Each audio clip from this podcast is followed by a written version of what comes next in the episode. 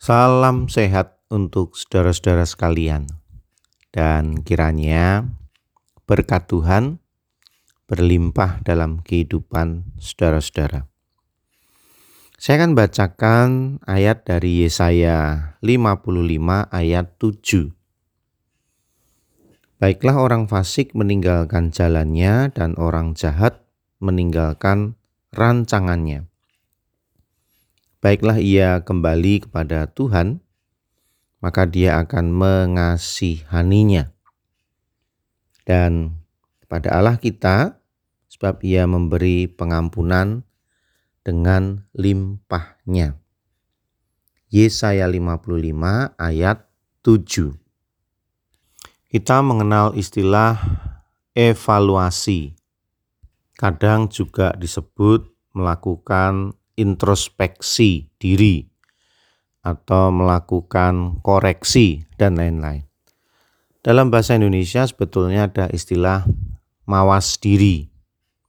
Itu semua adalah sebuah proses untuk melihat kembali, memberikan penilaian kembali sesuatu yang sedang berjalan sebelum sampai pada tujuannya atau setelah tujuannya tercapai. Maksudnya adalah untuk menemukan beberapa hal kekurangan, masalah, persoalan yang timbul sehingga proses itu tidak berjalan dengan baik, tidak berjalan dengan sempurna. Nah, melakukan evaluasi, introspeksi diri, koreksi, mawas diri, dan lain-lain itu tadi untuk menemukan masalah itu dan kemudian mencari solusinya dan ke depan jangan sampai diulangi kembali sehingga dalam proses yang kemudian tujuan dengan cepat, dengan lebih mudah, dengan lebih baik kita akan dapatkan. Tujuannya satu adalah membuat sesuatu lebih baik. Bacaan kita ini adalah sebuah ajakan untuk melakukan mawas diri itu tadi, introspeksi diri, melakukan evaluasi agar orang-orang yang membacanya kemudian menemukan masalah-masalah, persoalan-persoalan, hal-hal yang tidak semestinya di dalam kehidupannya, menyelesaikannya, meninggalkannya, menjauhkannya dari kehidupannya, dan kemudian melakukan hal-hal lain yang lebih baik agar berkenan di hadapan Tuhan. Kemudian kita menemukan istilah bertobat atau pertobatan. Nah, ini baik sekali sebagai pedoman hidup. Dan menurut saya hal yang lazim, lumrah dan biasa. Kita mesti membiasakan pola hidup seperti itu. Satu, dua, tiga langkah, lakukan evaluasi. Satu, dua, tiga hari, lakukan evaluasi. Begitu juga dalam perjalanan hidup. Hidup kita harus mawas diri, introspeksi diri, melakukan koreksi sehingga kalau ditemukan berbagai macam penghalang, berbagai macam kerikil, bahkan kerikil yang tajam, kita bisa menyingkirkannya. Dan kita tidak kembali melewati jalan yang buruk itu.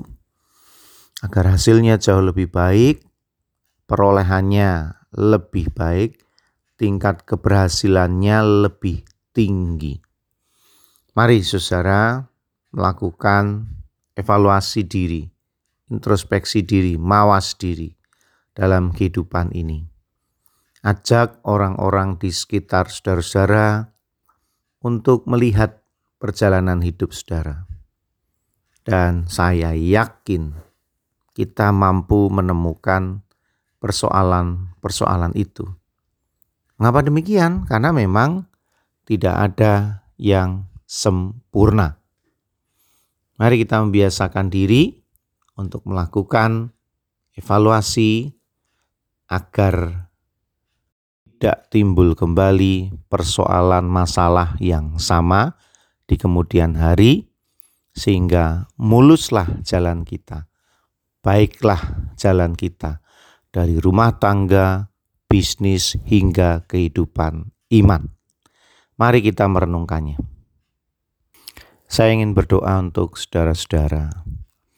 Tuhan, dalam perjalanan hidup kami perlu memiliki waktu untuk membuat pemeriksaan-pemeriksaan agar apa yang sudah kami lakukan kami evaluasi dengan baik, kami cermati dengan baik apa yang menjadi kendala, masalah, persoalan, rintangan, agar di kemudian hari jalan kami lurus, jalan kami lebih baik.